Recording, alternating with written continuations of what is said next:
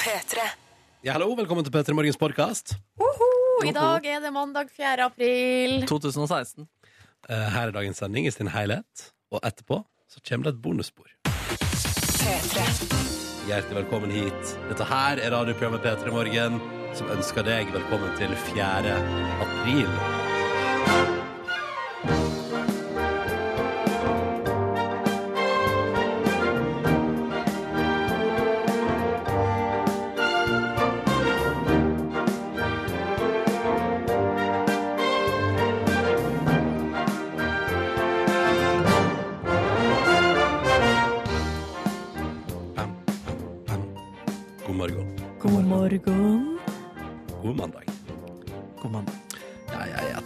Til. What else is new?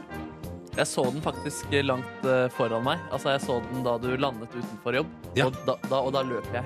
Da løp du. Ikke sant? Så det er forskjellen på deg og meg. da Ja, løp du til jobb i dag? Jeg løp de siste ti minuttene. Wow. Mm. Det er Litt- slitsomt. Jeg liker at du sier, eh, Markus, at Ronny landa utafor jobb. Eh, For det høres ut som han har kommet i sånn Tok du eh, taxihelikopter? ja, Eller at du kommer i romskip, liksom. Ja, jeg syns NRKs, en av de største profilene til NRK fortjener såpass. Og det er derfor jeg sa det litt for meg i hodet mitt også, da jeg sa det selv. Men jeg er bare nysgjerrig på den løpingen. Blir du ikke svett? Eh, nei, det går egentlig ganske greit. Så du kan springe ti minutter uten å bli svett? Nei, altså det er ikke ti minutter, det er feil. Det er når de har ti minutter igjen for å løpe, at jeg må begynne å løpe. Så da løper jeg på en måte i fire-fem uh, minutter. Ja. For å Eh. rekke jobb, rett og slett. For det er rekkejobb, ja. ja. Mm. Og så blir du ikke svett. Nei, men Så imponerende. Du har en helse av stål. Kanskje jeg blir eh, svett, jeg vet ikke. Det får dere avgjøre, i hvert fall, om lukta er der eller ikke. Kjenner, for, kjenner ikke noe foreløpig. Og så kjente jeg faktisk din parfymelukt eh, liggende igjen i heisen Åh, etter jeg tok den. jeg la den igjen til deg, jeg. Det var hyggelig. Ja, ja. Velkommen til oss. Dette er P3 Morgen, altså. Skal i tre timer framover. Får besøk av Solveig Kloppen i dag, som er vår gjest. Det blir koselig. Mhm. Og så er det jo mandag, og vi skal prøve å gjøre mandagen din så bra som mulig. Hvordan skal du deg til jobb i dag, Silje? Tok med buss, da. Ja. Selvfølgelig. Always on time. Mm, ikke always. Mm. Eh, Often. Often. often, ja. Og så skal vi vel antar jeg følge opp litt der på hvordan den første helga har vært uten smarttelefon og tilgang til sosiale medier. Ja, da jeg lover jeg skal fortelle alt om det. Og så skal jeg eh, kanskje oppdatere dere på om det har skjedd noe nytt på joggefronten. Oi, oi, jeg håper det, ass. Vi får se. Følg med. Følg med utover sendinga. Før noe som helst annet. Jeg sa jo i stad at vi skulle spille The 1975, og det skal vi nå. Bare si at Peter har en konkurranse, sånn Facebook-konkurranse. Eh, der du kan vinne møte med The 1975. Oi! Ja, ja, ja, bare sjekk den ut. P3.no er adressa for alt uh, slikt. Det er vår nettside, og den er alltid oppdatert og alltid fresh. Ja, fint, fint. Fin kjenning, Markus. Eh, god mandag morgen. Det er altså den 4. april, og du hører på P3 Morgen. Fortell oss hvordan det går med deg. Kode P3 til 1987. Det knirka i stolen til Nordnes. Det er ikke stolen, det er leddene mine. ja, ja, ja. Eh, Etter en litt strabasiøs eh, fysisk helg, så er det nå altså så stiv og støl at det hjelper. Hva har vært strabasiøsk fysisk Jeg har jo eh, jeg har vært på tur, langtur, eh, til fots og til skis. Begge deler? Begge deler? eh, Ja, begge deler. Siden, og siden jeg ikke er på SoMe, så har det her gått alle hus forbi. Ja. Og spørsmålet er da har det egentlig skjedd, men svaret på det er ja. Men hvorfor både til fots og til skiss? Skal jeg fortelle historier? Vil dere Ja, høre altså, historier hvis- om da jeg var på kikkut eh, på lør i helga? Altså, jeg hører jo at det er et potensial her, så hvorfor ikke? OK. I helga var Ikke nirkestol, da. I helga så skulle altså jeg og eh, min kjærest Vi skulle til eh, noe som heter Kikkutstua oppe i Nordmarka. Nice. Vi skulle gå dit på ski eh, og overnatte og spise tre, altså spise treretters middag først. Så overnatt. Og overnatt Kommer Er det drop-in-overnatting der? Nei, det her er, må bestilles lang tid i forveien. Det her ble bestilt i november. Ja. Eh, og da hadde vi ikke forutsett uh, den globale oppvarminga som skulle komme og treffe Nordmarka. Med, uh, jo, men men er, er det alltid så snøfylt i Oslo i april, da? Uh, sånn her, så, så her tidlig i april så har det vel brukt og vært eh, sånn historisk sett mer snø, ja. Ja, ok. Enn det er akkurat nå, da. Eh, men eh, det ble nå denne helga som ble bestilt. Ja. eh, og vi skulle altså da på tur. Eh, pakka skiene. Altså vi, vi, på lørdag så spiser vi frokost. Det Ja. Høljeregna ute. Ja, stemmer Det blåser, eh, og vi ligger der og tenker hmm, skal vi nå gi oss ut på denne turen, eller skal vi ikke? Ja. Eh, men så var det jo Vi allerede betalt et depositum, eh, og hadde jo sett veldig frem til den der hyt, kvelden på hytta med Ja. treretters middag og ja, god stemning. Så vi setter oss altså på T-banen opp til eh, Frognersetra. Da er vi de eneste på hele togsettet med ski oppover der. Ja. Og det er ikke så vanlig, for det altså, som ofte er det tjåka fullt. Ja, det pleier å være crowded der. Ja, Ja. Så kommer vi opp der, eh, og da er det så tett tåke, og så må vi liksom gå langt inn, for det, er ikke, det var ikke noe snø. Så det var sørpe og stein, så vi måtte da gå langt innover eh, løypa. Så fant vi snøen. Ja. Og da var jeg helt sånn her Wow, det her er jo helt fantastisk! Her er det jo føre! Og vi gikk av gårde med stor iver. Eh, og så gikk det bra eh, ei stund. Men så treffer vi på de bare partiene og må begynne å ta av oss skiene og gå. Um, Hvor stor skade gjør det på et par ski om du bare drar deg litt over gresset? Skal du høre det? Jeg hadde jo med meg de gamle skiene, og etter hvert så dreit jeg i det. Og bare gikk, jeg gikk på stein, og på eh, Jeg gikk over ei elv, gikk jeg med skiene på. sier du det? Ja, ja, ja, ja, ja, jeg dreit fullstendig i det. For det som var at eh, humøret surna i takt med eh, skiforholdene. Ja. Oh, nei, oh, nei, Så nei. denne turen Altså, vi brukte fire timer. Hvor lang tid skal man egentlig bruke? Eh, altså det, vi gikk 17 kilometer, så eh, man skal Altså, i hvert fall halvparten. Ja. Eh, kanskje halvannen time. Høres ut som man- en rå tur, Nordnes. ja, men, Høres ut som det kuleste man kunne opplevd i helga. ja, men se for deg, kom fram, og da har du gått i fire timer, uh, slete seg gjennom skogen, så kom inn, og der er det fyr i peisen, Ja. uh, ryk Ingen andre mennesker, sikkert. Jo da, det var en del folk Ja. der, men uh, bestilte vin. oh, ja. Og spiste blomkålsuppe til forrett. Og så deilig noe sånn kjøkling til hovedrett. Oh. Brownies til dessert. Ja. Det var jo fantastisk. Okay, ja, men Redda det humøret og forholdets aften. Du, altså eh, Ikke helt sikker? Forholdet var aldri i fare. Okay, okay. ok. Eh, men uh, humøret var jo i fare. Ja, det men var jo tross alt uh, farlig. Ja. ja, men det Kan jeg bare avslutningsvis spørre, mm, går det bilvei til den hytta? ja, for nå skal du høre. Dagen etterpå så tok vi på oss vanlige sko og gikk hjem igjen. Ja, eh, med skiene i armene. Ja, ikke sant? Så det er derfor det var folk der òg, ja. Fordi folk tok bilveien. Ikke, du kan ikke kjøre dit, for det er bom. Oh, ja, ja. Ja, så du får gå på Ja. Må veien. gå, Ronny! Du må gå! Skjønner du det? Sorry, sorry. P3. Eh, Vi tenkte vi skulle sjokke avisene skriver om det mandag 4. april, og på forsida til VG så møtte uh, to saker som jeg ble interessert i oss.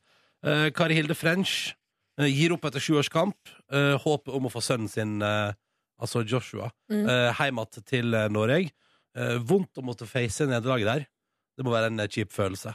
Men kanskje det blir sånn nå eh, For noen ganger hvis du, har du følt det hvis du venter på noe, og så, og så, så venter du veldig iherdig, og så idet du gir opp, så kommer det. Ja, det kan godt hende det blir tilfellet også. Mm. Men akkurat dette her tror jeg ikke nødvendigvis er en sånn kamp som man tenke at man satser på skjebnen for. Ja, men jeg vet ikke, Hvis man har prøvd alt annet, så hvorfor ikke bare la det da, La det skje, Det er jo tydeligvis det hun gjør nå, da. Bare Mm. la det stå til. La det stå til. Mm. VG lar oss også i dag møte mennesker som, hold deg fast, liker jobben sin, eller elsker den faktisk etter fylte 60. ja, det skulle ikke man tro, Eh, men det er tilfellet iallfall. VG har funnet nordmenn som elsker jobben sin etter fylte 60 i dag. Men det er kanskje ikke det som er det mest interessante på forsiden i dag. Nei, eh, fordi det er store avsløringer det går i. Vi kan begynne med Dagbladet, som eh, i dag avslører dette koster kongehuset egentlig. Egentlig! Ronny, da vil jeg spørre deg, eh, hvor vet du, har du, hørt, har du hørt på nyhetene i dag? Jeg har vært på internett i går også, så jeg veit svaret. Fader. 460 millioner, var det det? Ja, det er det det eh, til sammen eh, de, de, kongehuset kosta Norge, da. Ja, det var over 100 millioner i bare politibeskyttelse, og Ja. det forstår jeg at de må ha, fordi at eh, verden er en skummel plass, og Mm. da må folk passes på. Men det som er problemet her, er jo at når Dagbladet har spurt eh, Finansdepartementet hvor mye kosta kongehuset Norge, så har eh, en eh, kommunikasjonsrådgiver svart 232 eh, nei, Millioner. millioner, ja. Ja. Eh, og så viste det seg jo da at det mangla eh, over halvparten. Mm. Eh, fordi at da er det en del ting som ikke er på en måte ført opp i det offisielle budsjettet. Det er plassert utover hele resten av budsjettet. Mm. og da er det jo eksempel kongeskipet og ikke med der i den offisielle oppregninga, eh, osv.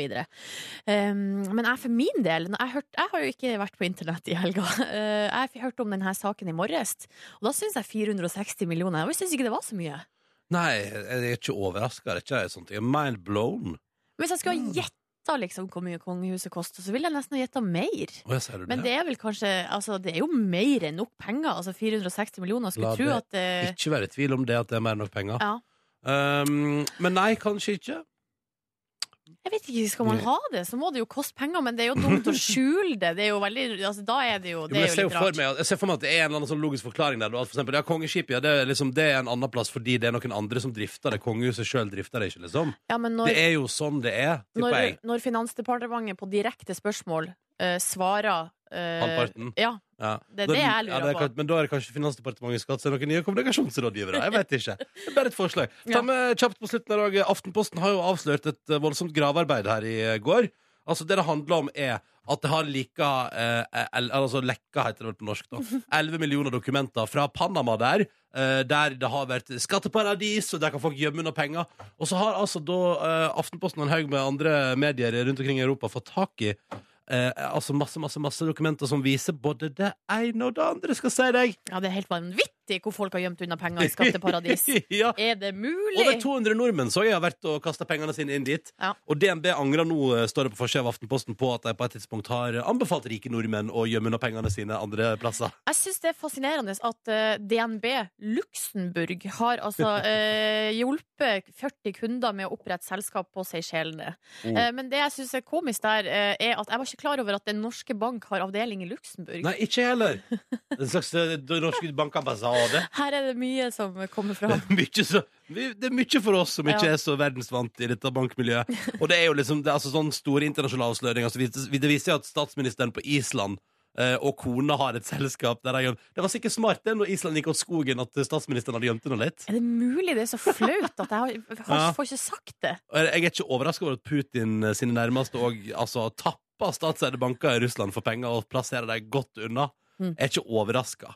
Så det, det er litt av det som er på forsida av Aftenposten. Dette får du garantert høre mer om utover dagen. Det kan jeg love deg, kjære lytter, at dette får du høre Ja, mer om. nå blir det bråk! Ja, nå blir det stemning! Nå blir det bråk. Ja, koke i mediene. Uh, og jeg ser vi får inn tekstmeldinger. Det er flere som lurer på uh, den nydelige, nydelige musikken vi spiller rett over klokka seks. Hva det er for noe. Det er jo uh, Markus som har laga kjenningsmelodien til Petter i morgen for Kringkastingsorkesteret. Mhm. Og der kan jeg bare komme et lite tips hvis du skulle være av interesse. Soundcloud.com slash P3morgen. Boom! Der ligger den i sin helhet. Hvis man er keen. Ja, for vi har ikke noe Vi, har ikke, vi legger den ikke ut for salg og sånn. Nei, men jeg tror vi prøver å få den ut på Spotify, for det er de som har lyst til å høre på den. Åh. Ja, hvis du, hvis du, for den er jo så fin. Så, tenker jeg at, eh, så jeg tror det er noen i kulissene jobber med Spotify-publisering. Eh, Hvor lang tid det tar, og om vi får det til, det vet jeg ikke. For det der er sånn som vi ikke driver med til vanlig. Det legger legge ting på Spotify. Men eh, hva med Tidal? Skal vi være representert der? Være en del av det kommende søksmålet til JC. Ja, men seriøst, hvis vi ikke, eh, hvis vi ikke gir holdt på å si, eh, oppmerksomhet til Tidal, så kommer JC til å saksøke oss. Det er et veldig godt poeng. Ja. Du, jeg, jeg tipper at hvis vi får til det der greiene Det, det, det byråkratiske baki der, Mhm. så er vel både på Tidal og på Spotify og hva heter det andre igjen? Vimp? Vimp, det er Tidal, det. Jeg vet det, men det var det eneste jeg kom på. Ja, det er, det er noe til der òg, men det er som samme det. Samme det. Mm, vi har også fått eh, meldinger fra eh, Ingeborg, som melder om en litt eh, tøff start på veka. Eh, for etter en litt eh, sløv veke forrige veke, så måtte hun altså ta skippertak både i går og i dag tidlig og komme seg på lesesalen for å forberede seg til forelesning. Tøff start på veka, skriver Ingeborg. Så da vet vi hva hun driver med akkurat nå. Hei, Ingeborg. Hyggelig at du hører på. Håper ikke vi forstyrrer for mye, sånn at du ikke klarer å konsentrere deg. Mhm. Håper vi skal tilby god miks av prat og musikk. Så kan du få det litt som inn i øra, så blir du litt oppdatert på hva som skjer i verden i dag, og og kan lese og styre på samtidig. Ikke sant? Mm. Trond har også sendt melding. Han har vært på jobb noen timer i natt. Eh, gadd ikke å legge meg når jeg kom hjem halv seks. Sitter nå på eh, vaskerommet og skrur Ikea-skap med Au. stor entusiasme. ah, Ha en fin dag. Ja, det er gøy, fordi han får jo Trond får jo den derre du vet, For jeg tipper du òg kjenner igjen i følgende fenomen. Mm. Eh, vi er jo begge to egentlig eh, B-mennesker. Mm. Eh, og gud hvor kreativ og flink man kan være på nattestid, sånn når man egentlig burde legge seg. Men Trond som jobber natt, får jo det på morgenen. Så blir han sånn 'Å, nå skal jeg gjøre det', og 'Å, det der mangler', og bare sånn, Ja, altså, sånn lakenskrekk. eh, overtrøtt uh, lakenskrekkaktig. Ja, ja, ja. Jeg tenkte på det i går, faktisk. Jeg, altså, det er helt påfallende hvordan Jeg had, var jo på den her strabasiøse fysiske utfordringa i helga. Mm. Uh, og i går morges så sto jeg opp klokka åtte eh, og spiste frokost, eh, smurte matpakke og gikk da på føttene ei mil. Ja. Eh, og sånn at jeg hadde vært tidlig oppe og brukt kroppen, vært ute i masse frisk luft. Eh, og når jeg da legger meg halv elleve, Lysvåken. lysvåken. Klar for nye eventyr. er ikke det veldig rart? Jo. Skjønner ikke det. Altså. Kroppen vår, altså. Jeg lå på podkast ett i natt, så det er helt sånn Det, da er du Du er, du er hakket verre. ja! Du kan komme her med din historie om Ja. hvordan du ikke mestrer livet, men jeg slår deg alltid. Ja. Jeg slår deg Åh, alltid. det er litt godt det, Ronny. Um, forrige uke så klarte ikke vi å dele ut her i P3 Morgen ei eneste morgenkåpe i vår konkurranse. Så i går så la vi ut en liten video på vår Facebook-side. Så jeg tenkte bare jeg skulle begynne med at du fortsatt kan være med og delta der. Du kan vinne en morgenkåpe. Eneste vi ber om i videoen, er at du eh, laster opp i kommentarfeltet under der et bilde som viser at du fryser, for så å kunne vinne en varm og deilig morgenkåpe. Hvordan går det på Facebook der? Er det noe stemning? Du har fått inn 68 bilder. Oi! Ja, ja, ja, så det renner på med folk som Og det er så mye kreativitet, og det er veldig gøy. Men vi strekker ikke noen vinner av morgenkåpet før etter sending i dag. Det betyr at du fortsatt har noen timer på deg hvis du vil være med. Og hvis du da lurer på hvordan du kan vinne denne deilige, mjuke og ikke minst varme morgenkåpa, så finner du all infoen du trenger på Facebook-kom P3 Morgen. Så er det rett og slett et lite tilbud. Og så har vi ikke klart å dele ut en eneste ei på radio forrige uke. Men en ny sjanse nå, da. Det er jo en ny uke, nye muligheter. Vi har eh, esker fulle av eh, morgenkåper som bare venter på å bli delt ut. Mm, Så let's get to it. For i vår konkurranse skal tre spørsmål besvares riktig. Hvis noen svarer feil underveis, så er det over for alle sammen og vondt og trist og kjipt. La oss hilse på dagens første deltaker. Runa, god morgen. Du er 24 år fra Gausdal utenfor Lillehammer. Hvordan går det? God morgen. God morgen. Har du det fint? Jeg har det veldig bra. Ja. Hvordan var helga? Den har vært uh, veldig fin. Hva har du gjort? gjort gjort? veldig masse. Hva da, for eksempel? Nei, jeg har vært på trening, vært på jobb, vært sammen med familie og kjæreste. Oi. Alt sammen på ei helg. Det høres egentlig litt stressende ut. da, Runa. Det har vært litt stressende, men også veldig gøy.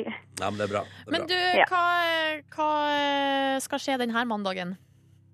Eh, etterpå så skal jeg til frisøren, ellers har jeg fri hele dagen. Oh! Ja, men Da gjør du ikke noe med litt aktiv helg når du har fri på mandag. Nei, det går an da. Ja, ikke sant? Hva skal du gjøre hos frisøren i dag? Hva planlegger du uh, å anlegge i håret? Nei, det blir vel å klippe det litt og farge det kanskje. Oh, slags farge går det for da? Uh, brun. Ok, Så du går ikke for liksom blå eller grønn eller lilla, liksom? Eh, nei, Nei, det tør jeg ikke. nei ok. Nei, men det, det er helt fair, det. Eh, men så hyggelig. Da skal vi se om du kan sitte i eh, stolen hos frisøren og skryte av at du har vunnet en morgenkåpe i dag. Eh, Ja, det hadde vært veldig fint. Men i tillegg til deg så er det også veldig avhengig av nestemann. God morgen, Simen. God morgen, god morgen. Du er 23 år og fra Skjoldastraumen. Hvor er det henne? Det er rett øst for eh, Haugesund. Ok, så i nærheten der. Jeg jobber som elektriker. Hva har du drevet med i helga? Eh, jeg har vært på hytta og gjort klar til sprenging. Skal du sprenge på hytta di? Ja, ja ikke jeg, men Nå må du forklare litt, Simen. Hva, hva mener du? Nei, vi har bora litt i et fjell da, som vi skal ha vekk. Vi skal bygge et naust. Så Oh, eh, Attmed havet, da regner jeg med? ja, det er på nedsida av hytta at vi har det, ja. Ikke sant? For man har kanskje naust ved havet. Ja, ganske naturlig. Ja, men så. Når skal det sprenges da, mister? Eh, det blir vel en to uker tid. Ah, det er litt spennende med sånn sprenging og sånn, da. Ja, men det blir gjort med eget tre, da, så det er litt kjedelig. Men eh, Så det får gå. typisk. Du får bare være med på forarbeidet. Ja, drittarbeid. Ja. ja. Der har du ordna deg. Eh, OK, nei, men da får vi se om du kan få deg og morgenkopp til hytta. La oss prøve. Vi kommer i gang med dagens konkurranse. Da er det sånn at alle spørsmål her nå må besvares eh, riktig. altså. Vi begynner med deg, Rune. Er du klar? Jeg er klar. Fra hvilket land kommer bilmerka Citroën, Peugeot og Renault? Hvilket land? Ja, Frankrike. Spør du, eller svarer du? Eh, jeg svarer. Du svarer. Så bra, for det er helt riktig. Uh, Se der. Én av tre down. Da er det din tur, Simen. Ja. Ja. Matt LeBlanc er mest kjent som Joey fra Friends. Du har sett Friends? Ja. Ja, det er bra. Nå er han aktuell som ny programleder for et bilprogram. Hva heter det? Oi. Eh, Matt LeBlanc. jeg har ikke peiling. Har ikke du pe- Hiv ut et navn på et bilprogram, da? Uh, Top Gear. Ja, det kom i grevens tid, det er helt riktig. Oi. Ja, ja, ja, ja, ja. ja, ja det kommer nå om en, eh, nok, bare om noen uker, så er Matt LeBlanc klar for Top Gear. Men hvor mange bilprogram finnes det? Det er Top Gear og så er det Brum. Eller hva Ja, heter det? men det tror jeg ikke fins lenger. Og så har du Nei, Jo, kanskje- du har jo med han eh, eh, Asgeir eh, Borgermoen. Ja, Garasjen. Ja.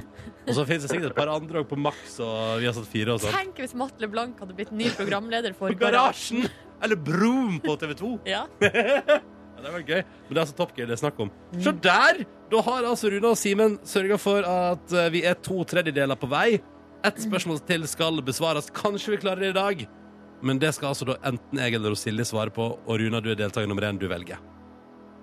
Eh, da tror jeg at det går for eh, Silje. Ja, det syns jeg er kjempesmart. Åh, jeg føler meg helt utdatert etter ikke å ha vært på internett ei hel helg. Ikke flir på den der måten. Å, det er gøy! Skal vi se.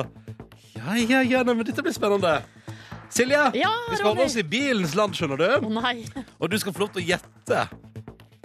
Hvis ikke du har full kontroll og veit det, da. Men det jeg spør deg om nå, er hva slags bilmerke leverte flest personbiler i 2015? Er det A. Toyota, B. Suzuki eller C. Ford?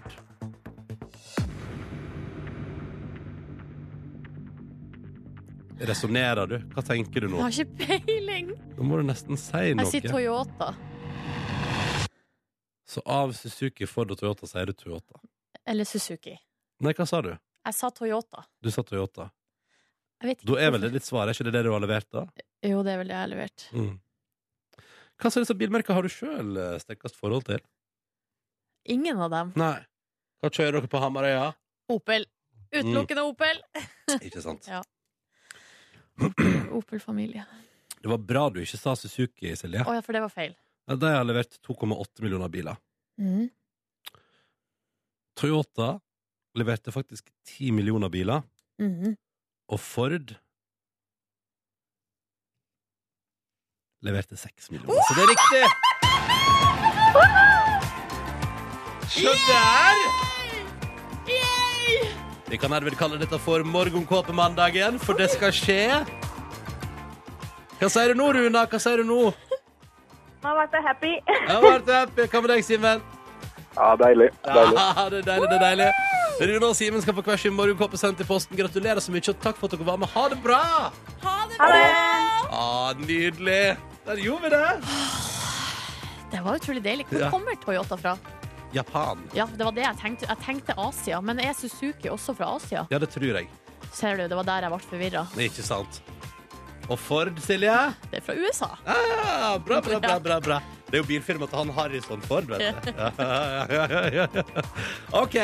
Morgenkåpe til våre to deltakere i dag. Du kan også vinne en morgenkåpe i vår lille Facebook-konkurranse. Du finner den øverst på Facebook. Kom Peter i morgen. Hvis du er keen på å delta, det eneste vi ber om fra deg, et bilde av at du fryser. Så kan du vinne varm morgenkåpe. All info der. Du kan delta fram til etter sending i dag. Det er bare å kjøre på hvis du skulle være keen. Og så kan du ringe inn og bli med på konkurransen vår i morgen. Men da må du gjennom noen enkle steg. Og de skal Silje forklare deg nå. Oi sann, nei, nå trykker jeg feil. Først og fremst, det er vel egentlig bare nummeret du trenger å vite, og det er 03512 03512, altså. Linja er åpen nå. Hvis du har lyst til å være med og vinne morgenkåpe, så må du ringe inn og melde deg på. Din start på dagen. Eh, god mandag til deg som hører på. Hyggelig at du gjør det. 4. april er det i dag, bare sånn i tilfelle du skulle lure. Markus, Silje, Ronny her, hallo. Hallo. Hallo, hallo. Hei, god dag. God dagen. God Ha, har dere lyst på litt uh, teknologinytt, uh, gutter? Elsker det. elsker det Ja. Fordi nå sitter jeg med uh, Dagbladet foran meg, og de har en uh, litt sånn fiffig sak om en robot som en fyr i Hongkong har lagd. Det her er altså en Altså en full-size eh, robot av ei dame Ja. som ser helt ut som Scarlett Johansson. Nice. oh, moderne nice. teknologi. Yes, Han har altså brukt halvannet år og en, nesten en halv million kroner på å ferdigstille denne roboten, som han har laga helt sjøl. Har den hud? Eh, ja, altså, jeg kan vise dere et bilde. Greia er at det, det, altså, Når du ser bildet av roboten, så ser det ut som et bilde av Scarlett Johansson. Er dette en robot? Kødder du med meg? Nei, sir! Wow. Ja, Det ser ut som en litt sånn hjernedød Scarlett Johansson. Ja, Den ser litt sånn tom ut. Tom ut i blikket. Men uh, Flere år i Hollywood, da blir man sånn. Ja. Eh, d- og her står det sånn at den har kroppsspråk og ansiktsmimikk, denne roboten, og kan svare på spørsmål ved hjelp av en innebygd mikrofon. Mm. Og her står det den responderer på komplimenter dersom du sier Altså er det litt artig, for den har fått navnet Mark One. Oi. Utrolig feminint og fint navn der. Mark One, du er så vakker. Eh, hvis du sier det til roboten, så blir altså musklene rundt øynene slapp, smilebåndene heves, og så svarer hun he-he, takk. Men hva skal han med den? Nei, altså eh, Det sier jo ikke historien så mye om. Det står jo blant annet her at han, eh, han som har lagd denne roboten, innrømmer at det har vært et ensomt prosjekt. Ja. ja. Eh, vennene har vært skeptiske til at han har eh, bura seg inne og laga en eh, robot. Som ser ut som. Scarlett Johansson. Ja. Det er jo fint at det finnes eh, løsninger. Altså, jeg tenker For Scarlett sin del også. At hun slipper å bli stalket av masse menn. Eh, De kan heller lage en sånn robot som Ja. akkurat det der. Mm. Og bruke en halv mil på det. Ja, ja, ja. Istedenfor å bruke en halv mil på spionutstyr. Men jeg husker til og med det var sak på min barneskole om at en person hadde lagd The Sims-avatarer av seg selv, Ja. og en han var forelsket i. Og det ble hun uh, veldig fornærmet av, og det ble Ja. dårlig stemning på skolen. Uh, men vi får håpe da at Scarlett tåler det her, da. Ja, men det er litt sånn komisk, for at på, på spørsmål uh, om hvilke altså han, han sier at han har lagd en, en robot inspirert av en Hollywood-stjerne. Ja. Og så er det sånn «Ø, Hvem da? Nei, det vil jeg ikke si. er det Scarlett Johansson? Nei, jeg vil ikke avsløre hvem det er. Ingen Det kommentar. er gøy! Ja. Å ja, så det er litt annerledes, litt hemmelig. Og så Han tar også oppdrag, skjønner dere. Fordi han her, det her har jo han betalt av sin egen lomme. Ja. Men nå er det sånn at han, eh, det her er en prototyp, så her kan man også bestille hvis man ønsker. da og, og betale, altså, Men da koster det jo masse penger. Kanskje jeg og Neby skal gå sammen og bestille en Silje Nordnes-robot? Som Og kan bare traske rundt her i lokalet? Veldig bra. En som bare sa hei, hei, takk, og ikke noe mer. Og Som bare var søt og snill. Som bare var søt og Ja, ikke stilte noen krav og bare smila. Ikke Bek- trengt mat Ja, og bekrefter alt vi sier. ja. Ja. He-he, takk. Det var bra, Nordnes. Dette var et fint avisstikk. He-he, takk. Yeah! Ja. Jeg liker det godt. Men jeg, eh, umiddelbart så begynner jeg jo å lure på om eh, det er noe seksuelt også. Eh, Ja, det står om det. står ingenting om det, men det blir jeg nysgjerrig på. Ja. Om det er egentlig det han har gjort her, at han har bygd ei veldig veldig, veldig avansert uh, Sexdukke. Ja, men veldig kjedelig å ha sex med en som bare sier he-he takk under hele seansen. Ja, Det går sikkert an å programmere inn andre ting òg. Ja, og, Men, det, og det kan eh, man sikkert også. Det er bare, bare si de riktige tingene til òg. Ja. Nei da, men det var teknologinytt her fra min kant. Ja, tusen takk for teknologinytt. Ronny og Silje her. Markus ute på gata, vi skal prate med han eh, straks. Men eh, først så eh, må jeg fortelle om noe jeg gjorde i går. OK? Mm. Jeg har pratet om det før. Um, for et par år siden så fikk jeg kosebukse i bursdagsgave av deg. Det stemmer, Silje Nordnes. Ronny. Og, og jeg mener å huske at du har kalt det livsforandrende. Ja, det stemmer. Ja. For før det så brukte jeg ikke slikt. Da gikk jeg rundt med de jeans jeg hadde på meg, gikk jeg rundt med hele dagen. egentlig. Så har jeg blitt frelst, da.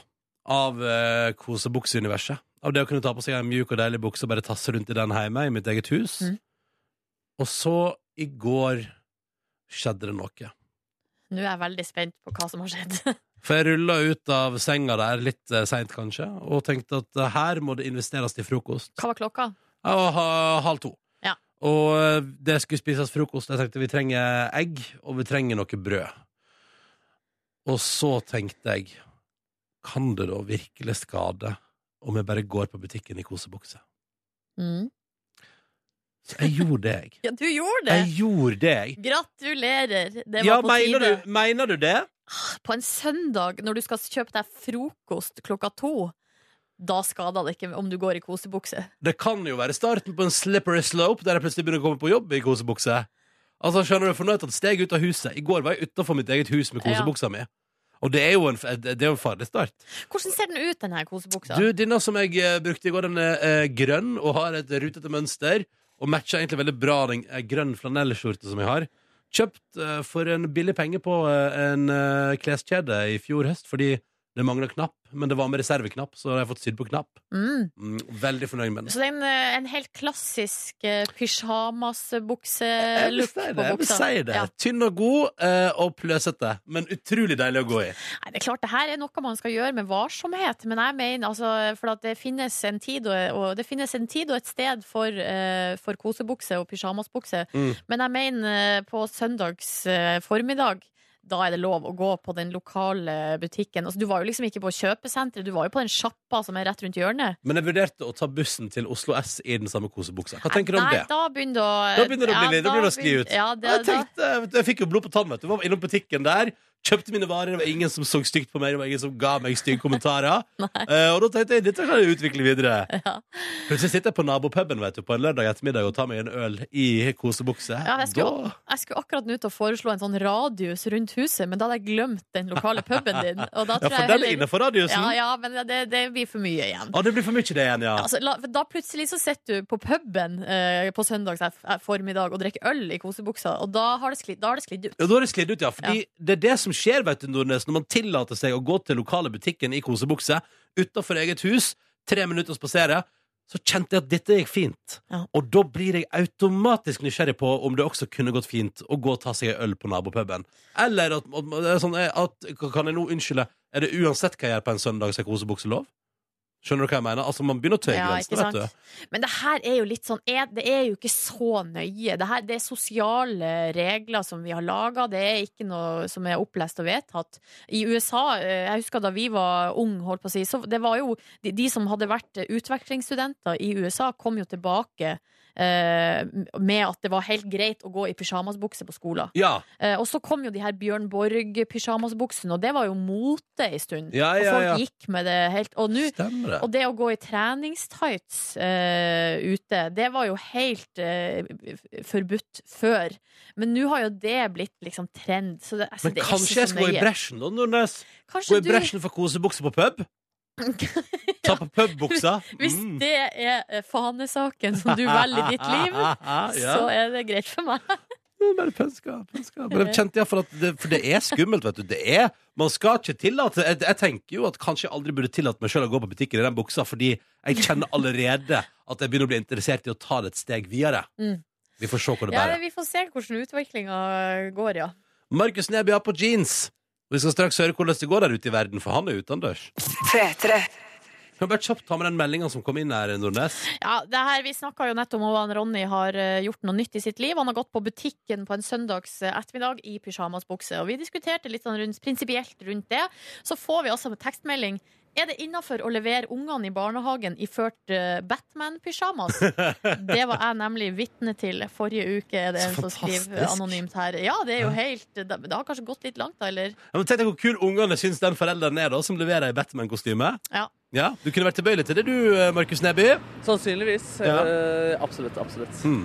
Hei, forresten. Hallo, hallo, hallo, ja. Ja, jeg, hø jeg hører at du er utendørs. det stemmer i ganske så grå Oslo. Jeg er ute for å møte folket og for å hylle en spesiell person, for dagen i dag er spesiell. Det er ikke en hvilken som helst eh, dag, og jeg sier rett og slett snurr jingle.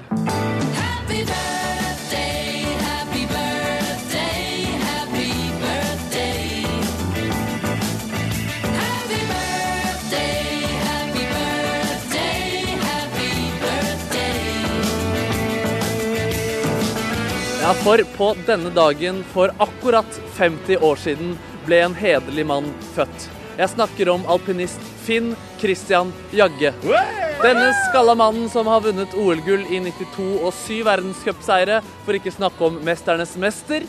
Han blir altså 50 år i dag. Gratulerer! Gratulerer med dagen, ja! Jeg skal stå her på gata til klokken ni i dag med mine vafler. Eh, om en times tid så kan du jo komme hit og dele ditt beste Finn Christian Jagge-minne og være med å synge bursdagssang for han. Men vi skal varme opp litt grann først. Jeg har tatt med meg noen høydepunkter av Finn Christian Jagge, eller Finken, som er kallenavnet hans, som jeg straks skal presentere for dere. Så er feiringen rett og slett i gang. Da er det bare å glede seg. P3. Markus Neby, du er ute på gaten i hovedstaden. Det stemmer. Finn Christian Jagge, eller Finken, blir 50 år i dag. Happy birthday! Rull jingle.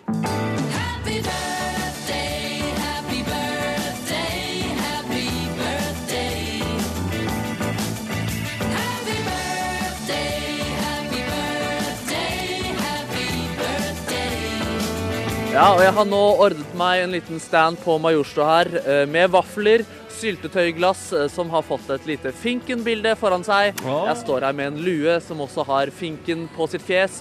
Vi skal hylle Finn Christian Jagge i dag, som altså blir 50 år. Eh, Møt opp på Majorstua og syng bursdagssang. Om en times tid så skal du også få litt vafler med nydelig, deilig syltetøy.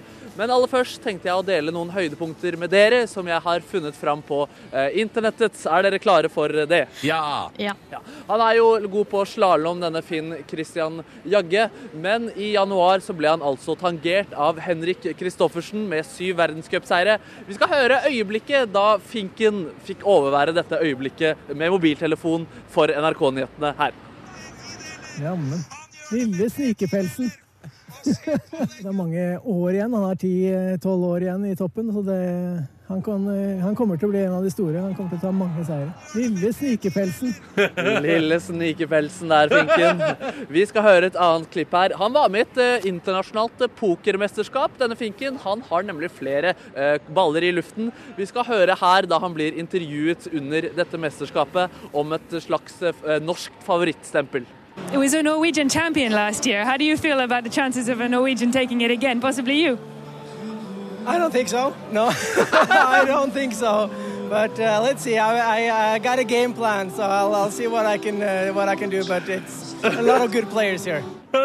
Ydmyke Finken. Han er en nydelig ydmyk eh, mann med norske gode verdier. Eh, Selv om han har sluttet å konkurrere i verdenscupen, så konkurrerer fortsatt Finken litt eh, på ski. Han har vært med i noe som heter American Ski Classic, og her blir han intervjuet av det jeg tror er konen hans, som hun har lagt ut på YouTube, etter at han kom på fjerdeplass i dette mesterskapet i 2011. Grattis, det! Vi er på fest. Er sesongen over? Nå skal vi feire. Det er bare påskerenn igjen.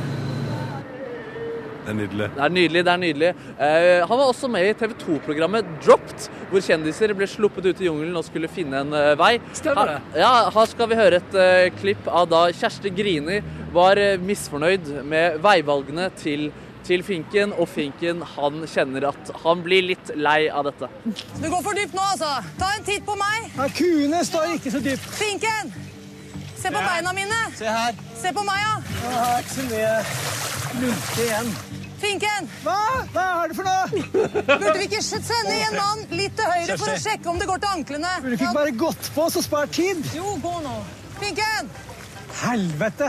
Ja, Der fikk Finken nok, det kan jeg for så vidt skjønne også. Eh, Så jeg står altså på Majorstua-krysset nå med vafler. Vil du dele ditt beste Finken-minne? Er det fra 'Mesternes mester', eller er det fra en verdenscup eller en OL-seier? Jeg står her med mikrofonen min, og det er fare for at det blir både bursdagssang og vafler. Ja. Og du står der, du, så sånn i halv ni-draget tenkte vi skulle sjekke innom deg igjen. Ja, jeg håper, håper det er noen som har lyst til å dele et finken mine, da. Ja. Hvor, hvor finner man deg i halv ni-draget hvis man har lyst til å være med og synge bursdagssang og feire finken? Da tar man altså T-banen eller trikken eller bussen til Majorstua, så står jeg veldig synlig midt på krysset eh, oppå en trapp. Ah, ok. Jeg er litt nysgjerrig, Markus. Hvorfor det her eh, litt sånn plutselige engasjementet for eh, Finken? Eh, Jeg er jo ute etter aktuelle ting hver eneste dag, og på fredag så så jeg at han hadde 50-årsdag i dag, og benyttet anledningen Ja. til å gjøre det grandiose. Og for å si det sånn, når du hører disse som klipp her, så er det vel aldri i tvil om at dette er en mann som fortjener å bli feira. Eh, jeg syns han er veldig eh, sjarmerende fyr. Ja, ja, enig. Eh, Markus, vi hører tilbake med deg om en halvtimes tid her på NRK P3. Kos deg så lenge. Takk for det. Gjør klar vaffelstanden. Hvis du vil spise vafler med Neby og feire finken, så er det altså rett over halv ni i Majorstua-krysset i Oslo. Hvis du skal være keen. P3. God mandag. 4. april. Hallo! Går det bra? Jeg skal akkurat drikke litt vann, Ja. så jeg var midt i, jeg var opptatt med det. jeg. Ja, ikke sant? Ja. Og vi har fått besøk her også. Du hører Olé i bakgrunnen. Velkommen, Solveig Kloppen! Tusen takk! Woo! Hvordan går det med deg? Det går bra. Hva gjør, hva gjør familien Kloppen på ei helg i starten av april? Um, I går hadde jo eh, Albert, eh, vår sønn, fylte ti år i påsken, så i går hadde vi familiefrokost. Oh, og frokost, du. Ja. ja Dere tar selskapet på den tida av døgnet. Ja, for vi tenkte at det var liksom enkelt og greit, men egentlig så er det jo mer eh, å ordne i stand til frokost enn eh, til eh, pølser og, og kake. Ja. Og så er det gjerne på tom mage, og da Ja. koster det litt ekstra. Ja, eh, Men det gjør det. Men det var veldig hyggelig, altså. Hva sto på menyen da når dere mekka frokost til hele familien? Da eh, lager Kjartan, min mann, rundstykker. Oh, fra bunnen av surdeig, eller? er Nei da. Nei, det er, med, det er helt vanlig. Ok, ja. Helt vanlig med vann og mel. Ja. Og jeg bakte brød. ja. Det, men det ble litt stress på morgenen, for da eh, trodde Kjartan at jeg skulle bake grovt brød. Men Ja. det hadde jeg ikke gjort. Eh, så da var det egentlig loff og, og hveterundstykker. Ja. Så da måtte Kjartan sykle av gårde da, eh, Å, og kjøpe grovt brød. Ja, for dere måtte ha alt. Ja, så da ble Ja. det litt dårlig stemning rundt halv, klokka halv ti. Og gjestene kom ti. Men det ordna seg, eller? Ja da, det ordna seg. Mm. Og det var jo ingen som spiste noe særlig av det grove brødet. Nei, what a surprise. Når man først Mm. går på sånn, eh, sånn kosefrokost, så tar man vel ikke det groveste som fins. Mm, mm. Men du, Solveig, du er jo eh, en kveld hos Kloppen Det går på TV nå. Ja. Eh, Men sånn eh, i TV-bransjen, hvordan funka det her? For hva gjør du nå, liksom, mens det går på TV? Ja, Nei, Det- da slapper jeg av. Da sitter jeg og nyter og ser på. Nei, nå er jeg i gang med en ny produksjon. Hva Eh, er det for noe da? det er et program eh, Jeg vet ikke om vi har fått navnet ennå engang, jeg. men Nei. det handler om at eh, folk skal overraske noen de er glad i. Med å gjøre noe som krever litt innsats. Å, så koselig. Det høres Mm. veldig koselig ut. Mm, Så det driver du og lager nå, da? Ja. Og da er det bare fryd og gammen på jobb? Ja. Ja. Men Solveig, vi hengte oss litt opp i før du skulle komme hit, at altså, nå er du jo programleder på fjernsynet, men, men du begynte jo som skuespiller. ja. Ja. Altså, Ja. Fordi jeg har sterke minner fra TV-serien Bot og bedring, Har du det? Ja, ja, jeg elsker Bot og bedring! Det var gammel var du så? Hvor gammel var du da? Nei, åtte-ni, kanskje? Ja. Du var veldig tidlig ute med sånn, typ, sånn eh, serie fra, uh, fra et arbeidsmiljø. Fra parkeringsvakt. Ja. eh, Ja. Dette var kanskje før The Office òg, det? ja, Ja. ja, det var jo det. Uh, veldig tidlig ute. Kanskje litt for tidlig ute. Det kan hende at den hadde gjort seg bedre nå. Hvorfor ler du sånn? Nei, for det var jo en serie Vi spilte jo inn Blant annet så spilte vi da inn 13 episoder Ja. eh, våren 98. Eh, men det var bare åtte av dem som ble sendt, for de fem siste var rett og slett for dårlige. Er det sant? Ja. Eh, inntil eh, jeg så i programbladet høsten 2003.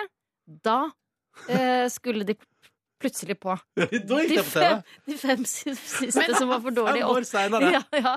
Men det, det, så det var bare én sesong, men så har jeg satt dype spor i Ja. populærkulturhistorien i Ja, Norge. men jeg var med runde to. Det var jo en, et par sesonger tidligere Aha. eh, Ja. av Bot og bedring. Mens jeg var med i den sesongen som skulle bli.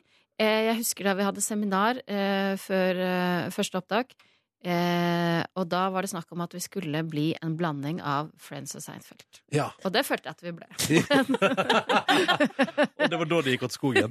Så du fikk være med på det synkende skipet. Ja, vi skulle egentlig ha en sesong til, men eh, den sommeren, eh, sommeren der ble det avgjort at eh, Ble det bestemt at nei, vi gir oss nå mens vi er på topp. Men var det skuespiller du hadde lyst til å bli? Ja, lenge hadde jeg Da tenkte jeg at uh, jeg skulle bli det, ja. Ja. Men hvorfor ble det ikke det? Fordi at jeg kom jo aldri inn på Teaterhøgskolen, for eksempel. Ja. Ehm, uh, og, og så var det vel sånn at jeg da etter hvert tenkte at jeg må få meg en utdannelse for bare å begynne på et eller annet annet. Så da begynte jeg blant annet på fysioterapi. Oi, er det sant? Ja, Så du har fysioterapiutdanning? ja men slutta, slutta rett for anatomieksamen i første klasse. ja, ja, så meg! og så begynte jeg etter hvert på Journalisthøgskolen, og da skjønte jeg vel at ok, ja, men her kan jeg, jeg kan holde på med litt av det samme. Ja. Som jeg- mm. Mm. Og nå er du programleder og har eget program som går på TV2 for tida. Det skal Ja. vi prate om straks. Hallo! Uh, Forrige mandag så var det altså premiere på uh, sesong to av En kveld hos Kloppen. Der du inviterer folk hjem til deg Ja. for å spise mat og bli småfulle. Ja, Du har jo vært der. Jeg har vært der. Eh, og jeg gruer meg til Jeg, jeg gruer meg veldig Solveig, til det kommer på TV. Nei, gjør du? Ja, Hvorfor? Fordi at jeg tenker at jeg var litt full. Følte du det? Ja! God, du er god på skjenking. Du er veldig god på skjenking. Ja, men vet du hva? Det, jeg tenker aldri over at noen Jeg har ikke, ikke en eneste gang tenkt Nei, guri malla, nå begynner dette mennesket å bli litt uh, men så bra. animert. Men hvor ofte skjer det at uh, noen blir, får, får, blir, får litt noia etterpå? Ja, det skjer jo innimellom, ja. ja det hender jo Altså, Ronny, da, og jeg tror også Ja, det har vært flere som har sagt sånn Oi. Eh, eh, dette ble en lystig dag og kveld. Men, eh, Jeg tror, jeg tror det går bra, altså. Jeg er ikke, Ja. jeg er ikke så nervøs. Jeg regner med at dere er snille med meg i klippen. ja, vi er Ja. veldig greie i klippen. Ja, men det er bra. Men noen ganger så kan man jo bare altså, Selv om man ikke har drukket noen ting som helst Hvis man har vært veldig animert og prata Ja. masse, så kan man nesten få liksom fylleangst. Liksom sånn, Enig. Hva har jeg sagt? Man blir litt sånn eh, liksom le- revet med. Ja, og Mm. særlig hvis det er en gjeng som fungerer bra, og, og man, ja, eh, det er mye skravling. Så jeg kan f- fort eh, føle meg fyllesyk selv om jeg ikke har drukket. Det er ikke sant. Ja, jeg tenker, Å nei, guri, nå ble jeg mye. Ja. Mm. Men du, du får jo altså gjestene dine til å lage, lage maten eh, og servere. Men uh, hvem er det som har overraska deg mest med sine kjøkkenferdigheter? På, um, bra, eller Ja, i positiv forstand. Positiv forstand. Um, mm, Ikke så mange, høres det ut som. jo, ja, men det er det at jeg eh, For meg handler jo mat, uh, måltidet, mest om det som skjer rundt. Ja. Eh, sånn at jeg må jo innrømme at jeg, selve smaksopplevelsen fort forsvinner. Altså, det er jo, men eh, altså, vi har jo hatt Bent Stiansen og, Eivind Hellstrøm på besøk, selvfølgelig, Ja. så det var jo Men det er jo ikke så overraskende, Nei. kanskje. Men du, altså Ronny den- Ronny Brede Aase? Ja. Den chili con carnen du diska opp med. Hæ? Jo, men den, det er, mener jeg er perfekt mat. Eh, vel, velsmakende og enkelt å lage, sånn at man ikke, ikke bruker for mye tid på å liksom stå og hakke eller eh, eh, flambere eller hva som helst.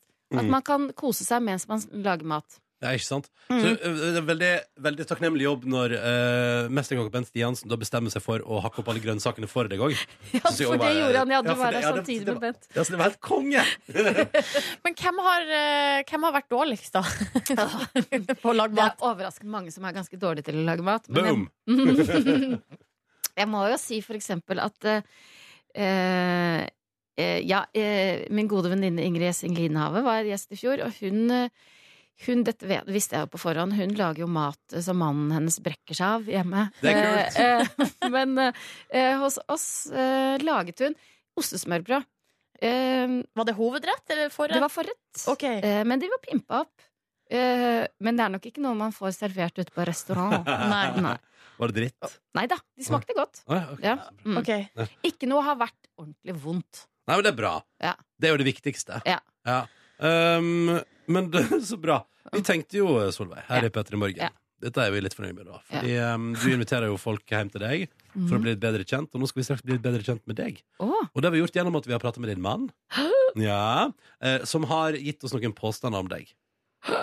Og så har vi blanda de påstandene han har gitt oss, med falske påstander fra oss her i P3 Morgen, som vi bare har funnet på. Ja. Og så skal du nå straks i P3 Morgen gjette om det som blir sagt her, er noe mannen din har sagt. Vi i P3 Morgen har besøk av Solveig Kloppen, som er å se på TV2 på mandager, altså i kveld. Etter 21 nyhendene, Ja. eh, med sitt program En kveld hos Kloppen. Der du inviterer folk på besøk. Jeps. Jeps. Godt oppsummert. Mm. Eh, og så tenkte vi at når du driver og skal bli bedre kjent med folk der, Ja. så tenker vi at vi vil bli bedre kjent med deg her. Så vi har altså da ja, Du må ta på igjen det headsetet der, eh, Solveig. Ja, for- fordi nå kommer det litt lyd. Eh, Ja. Fordi det vi har gjort, vi har prata med din eh, mann, eh, og han har s- sagt ting om deg. Eh, påstander. Eh, og så har vi tatt de påstandene og så har vi blanda inn noen av, eh, som vi har laga sjøl. Ja. Og nå skal jeg le- nå leser jeg opp eh, en, en og en påstand, og etter hver påstand så skal du gjette om det er noe han har sagt, Ja. Eller om det er noe vi har funnet på. Men kommer du til å legge til Austevollsdialekt på de han har sagt? Sånn at Ikke gjør det. du Ikke gjør det. Nei, det skal jeg ikke gjøre. eh, Og så får du fasit eh, etter hvert underveis. Ok. Første påstand her. Eh, Solveig er altså så dårlig taper at hun kan rope ut navnet på kvinnelige kjønnsorgan om hun taper i spill mot sine to små barn. Er, tror du han har sagt det? eller? Ja, det tror jeg han har sagt. Skal vi høre om han har sagt det? Solveig er så dårlig taper at hun kan rope ut navnet på kvinnelige kjønnsorgan om hun taper i spill mot sine to små barn. Hva i all verdens navn og rike Solveig Kloppen? Ja. Kjartan Nei, Albert jeg spilte Risk. altså tiåringen vår. Jeg spilte Risk, og jeg tapte. Han tok eh, Australia fra meg. Og da, da, Da klikka det. Da kom det. F-ordet. Oi. Ja, uff, Ja, men så så bra. Det er det en nydelig, nydelig oppdagelse der. All right, neste påstand. Solveig gråt så lett at sjøl ungene syns det er slitsomt å se på film med henne. Ja, det kan jeg fort ha sagt. Skal jeg gjøre på fasit? Nei, han har ikke sagt det, men tydeligvis så, er- så, så kan, kan det også være et problem. Det kan også være et problem. Det er greit å vite. Vi går videre til neste. Neste. Solveig er like sta som en 13-åring, noe som byr på trøbbel i heimen. Ja, det stemmer. Nei! Kanskje det stemmer, men han har ikke sagt det. Han har sagt mye, men ikke akkurat det. La oss ta neste. Solveig liker godt å ta seg på puppene når hun er ute blant folk. Det eh, har han sikkert sagt, for det stemmer. Vi hører på fasit. Solveig liker godt å ta seg på puppene når hun er ute blant folk. Hvorfor det? Nei, de er så myke og gode, da. Det er jeg enig i, faktisk. Jeg er helt enig. Neste. Solveig klarer nesten ikke å vente til hun blir pensjonist, mens jeg gjerne skulle ha vært 30 igjen. Uh, ja, det stemmer. OK, vi hører på fasit. Oi sann! Oi sann! Det er veldig gøy. Foreløpig har du aldri sagt Du har aldri sagt Det stemmer ikke. så dere kjenner meg godt òg, da. Ja, tydeligvis. OK, neste. Solveig er så flink til å tegne at det er flere enn mora hennes som mener at hun kunne livnært seg som kunstner. Nei, det er bare moren min som mener det. La oss høre på fasit. Solveig er så flink til å tegne at det er flere enn mora hennes som mener at hun kunne livnære seg som kunstner.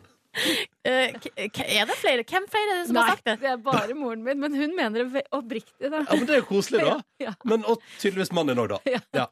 All right, neste. Jeg er fortsatt bitter over krangelen jeg og Solveig hadde angående en platting i hagen. Ja, Det stemmer. Nei, han er ikke bitter lenger. Er han ikke? Nei. Og litt Nei! Irritert. Kan, Det er godt mulig. OK, eh, Solveig er så dårlig til å lage mat at hun strever med å koke poteter. Nei, hvis han har sagt det, eh, så ljuger han. La oss høre på fasit. Solveig er faktisk så dårlig til å lage mat at hun til og med strever med å koke poteter. Eller som hun en gang sa Jeg kan koke poteter, men jeg er bare usikker på når de er ferdig. OK, vi har to igjen. Vi har to igjen. Eh, nest siste her. Solveig er dessverre ganske dårlig på å kjøpe gaver. Nei.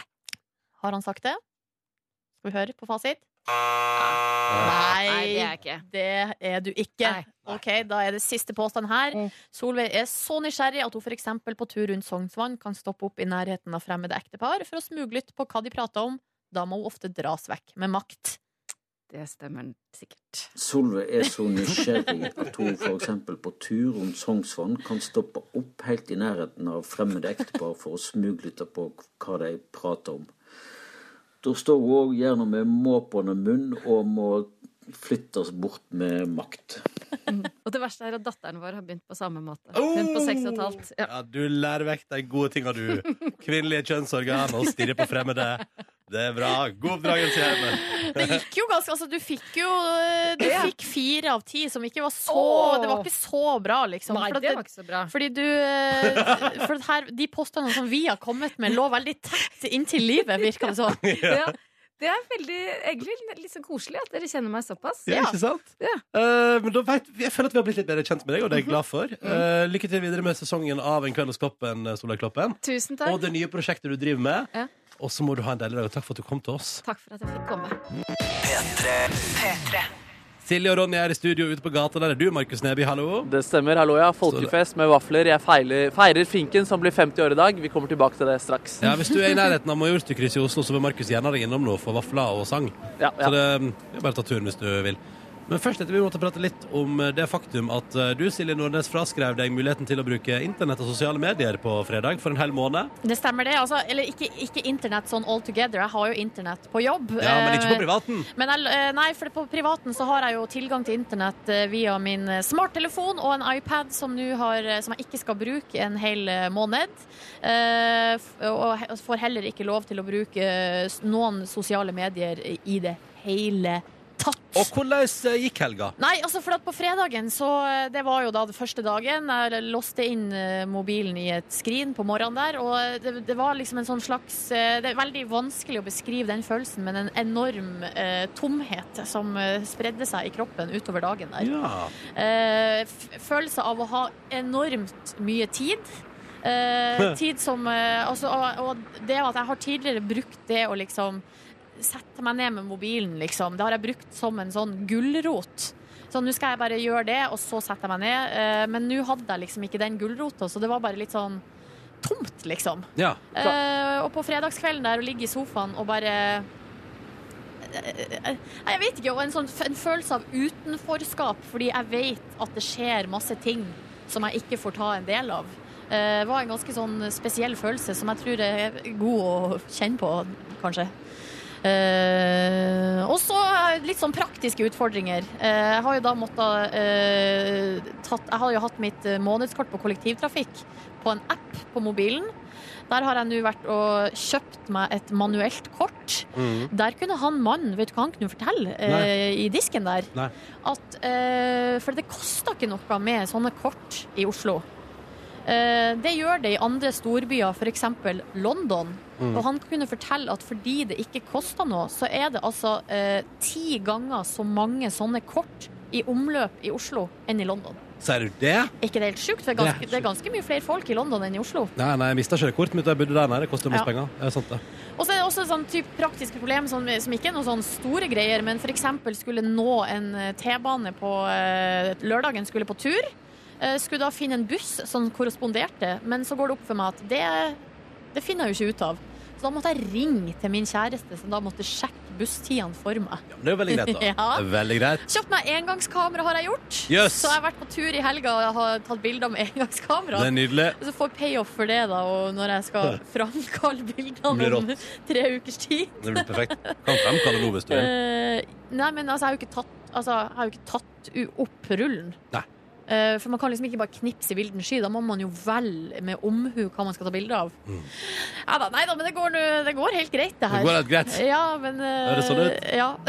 men det, det er veldig rart. Ja. Er Hvordan var det å ikke få likes på at du var ute på skitur på lørdag, Nordnes? Det er jo en typisk Nordnes-post til det. Ja, altså, jeg var, den strabasiøse skituren der som jeg var på på eh, lørdagen, som varte i timevis, det var et perfekt My Story-materiale. Ja. Men uh, her var, måtte jeg ty til engangskamera. ja, men da om en, kan du legge ut på My Story om en måneds tid. ja. Throwback Thursday, yo.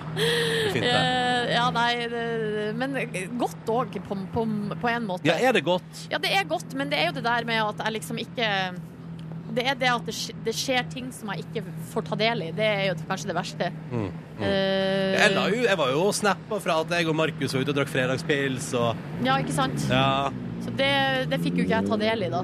Så, Men du hadde tilbud om å møte opp, da, så ja, men, in person. men da visste jeg jo liksom ikke hvor dere var. Det ville jeg jo visst hvis jeg hadde sett uh, på Snapchat. Jo da, det Jo da. stemmer det. Men Jo jeg tror jo jeg kommer til å gå glipp av mye i, for at folk ikke sender meg melding. De bare legger ut ting og tenker at jeg dukker opp eller skjønner det sjøl. Så du blir Liksom. litt proaktiv, da, vet du. Ja. Kom til å gå fint, det der. OK, Nebby, Nebby, Nebby. Yo, yo, yo. Ute på gata. Da blir det straks bursdagsfeiring i P3 Morgen. Ja, det er folkefest på Majorstuen. God mandag. Og det er ikke en hva slags som helst mandag, dette her. Markus Neby ute på gata i Majorstukrysset i Oslo. Nei, jeg har nemlig arrangert folkefest her med vafler og syltetøy. Og det er bursdagen til selveste Finn Christian Jagge, Finken, alpinisten, som blir 50 år i dag. Gratulerer med dagen. Ha, har du jingeren der, eller vi kan Ja, bare ja, ja. Oi, vent, å trykke på feil knapp. Unnskyld. Sånn. Der!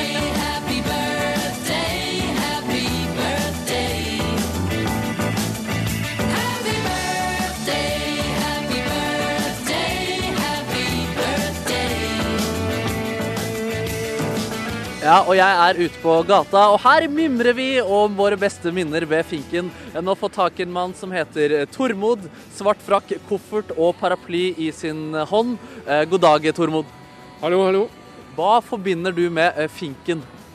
Eh, ja, med Finn Christian Jagge så husker jeg han som en veldig bra norsk alpinist. Også, men det mest konkrete jeg husker, er vel dette her Finken-cupen, som jeg tror var til inntekt for kreftsyke barn eller sånn oppe i Holmenkollen. Ja, Han har lagd en, arrangert en cup altså, hvor han, som, hvor, som var til inntekt for syke barn. Ja, jeg, er, jeg husker det som det, men dette er ikke akkurat noe jeg har pugga for å gå opp til eksamen, liksom. Men det er ditt beste, det er kanskje ditt aller aller beste Finken-minne, akkurat det der? Ja, ja så det er iallfall det mest konkrete. Ellers husker jeg at han øh, var en bra alpinist. Jeg syns det var morsomt å følge litt med på det. Følger du med på alpint eh, nå om dagen også? Ja, sånn litt til og fra. Jeg kjørte slalåm da jeg var ung. Men det er Å, du gjorde siden. faktisk det, ja? Ja, men det var veldig ung. Så det var på, bare på hobbynivå. Ja, Men det var hyggelig at du kunne komme og dele ditt eh, minne her. Vi skal få i gang litt eh, bursdagssang her på gaten. Så bare bli med og syng det også, Tormod, hvis du føler for det i dag. Vi setter i gang jinglen jingle her. Vær så god. Ikke løp, Tormod. Ikke løp. OK, da vi synger. Nå er det folkefest. Gratulerer med dagen. Gratulerer med dagen. Gratulerer, kjære Finken. Gratulerer med dagen. Tusen takk, Tormod. Ha det godt. Og gratulerer igjen, Finken. Du der hjemme kan jo sende din personlige gratulasjon på mailen hans, som er fcjaggealfakrølldynamicpeople.no. Gratulerer med dagen, Finken. Dine minner og gullmedaljer vil vare for alltid, din historiske skallamann. Hva sa du adressa hans var jeg, sa du? Nei, skal vi Jo, men det er jo Det er hyggelig med gratulasjoner. F, det er altså for Finn. Christian for C. FC. Jagge. Alfakrøll. Dynamic People. Dynamic People. Punktum no. Det er bare å sende av gårde 50-årsgratulasjoner dit. Det er veldig hyggelig, da. Ja, ja, ja.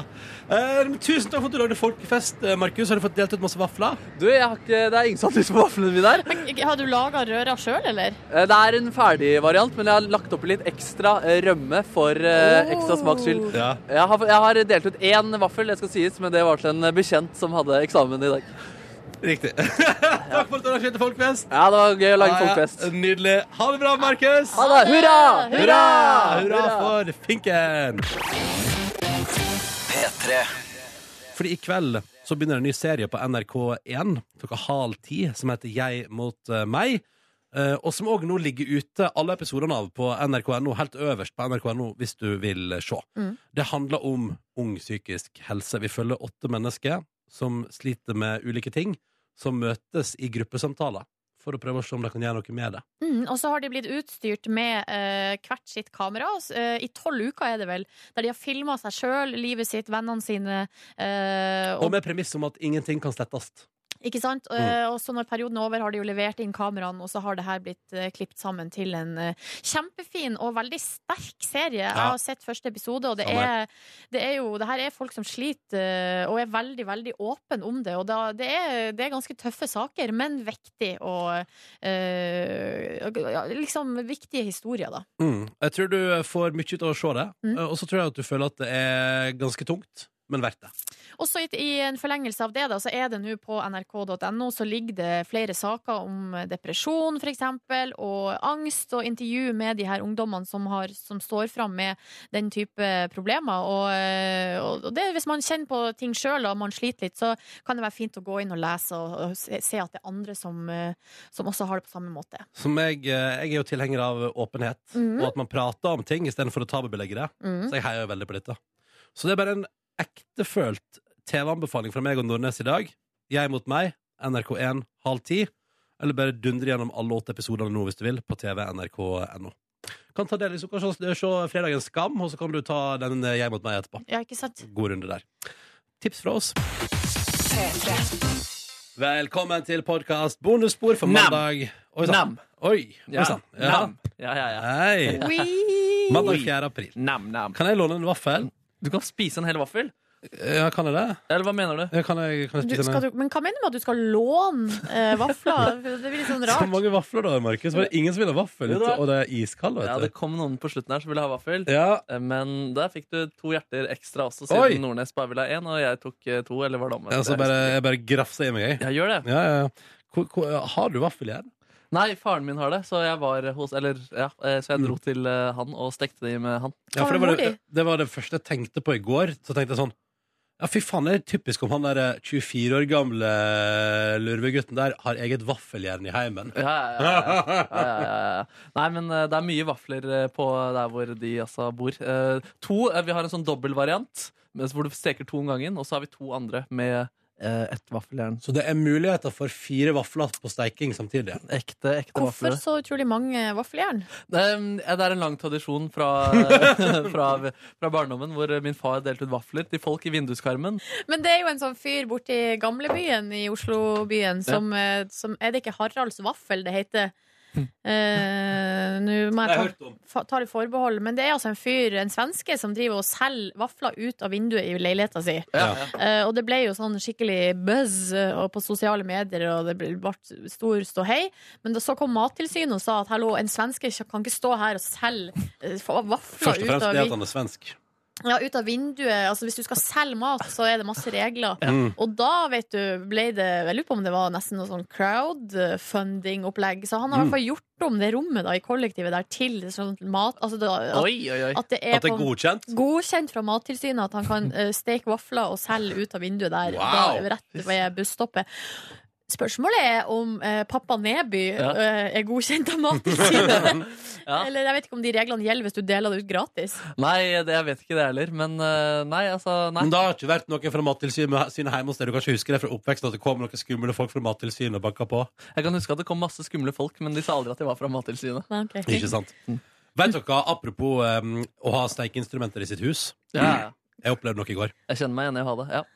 Hva, hva er det du har opplevd nå? Nei, vet du, der sto vi og skulle mekke noen bagels til frokost, som da skal i toasteren. Og så eh, toaster jeg, og så er samtidig kaffemaskinen i gang, og eh, tre plater på, eller to plater på komfyren og Herregud, ovnen. gikk sikringa? Ja, skal jeg love deg. Å, nei, Jeg har aldri opplevd den leiligheten før, men i går gikk sikringa, og vet du, jeg blei så lamslått og paralysert, så det måtte min kjæreste bare ta hand om.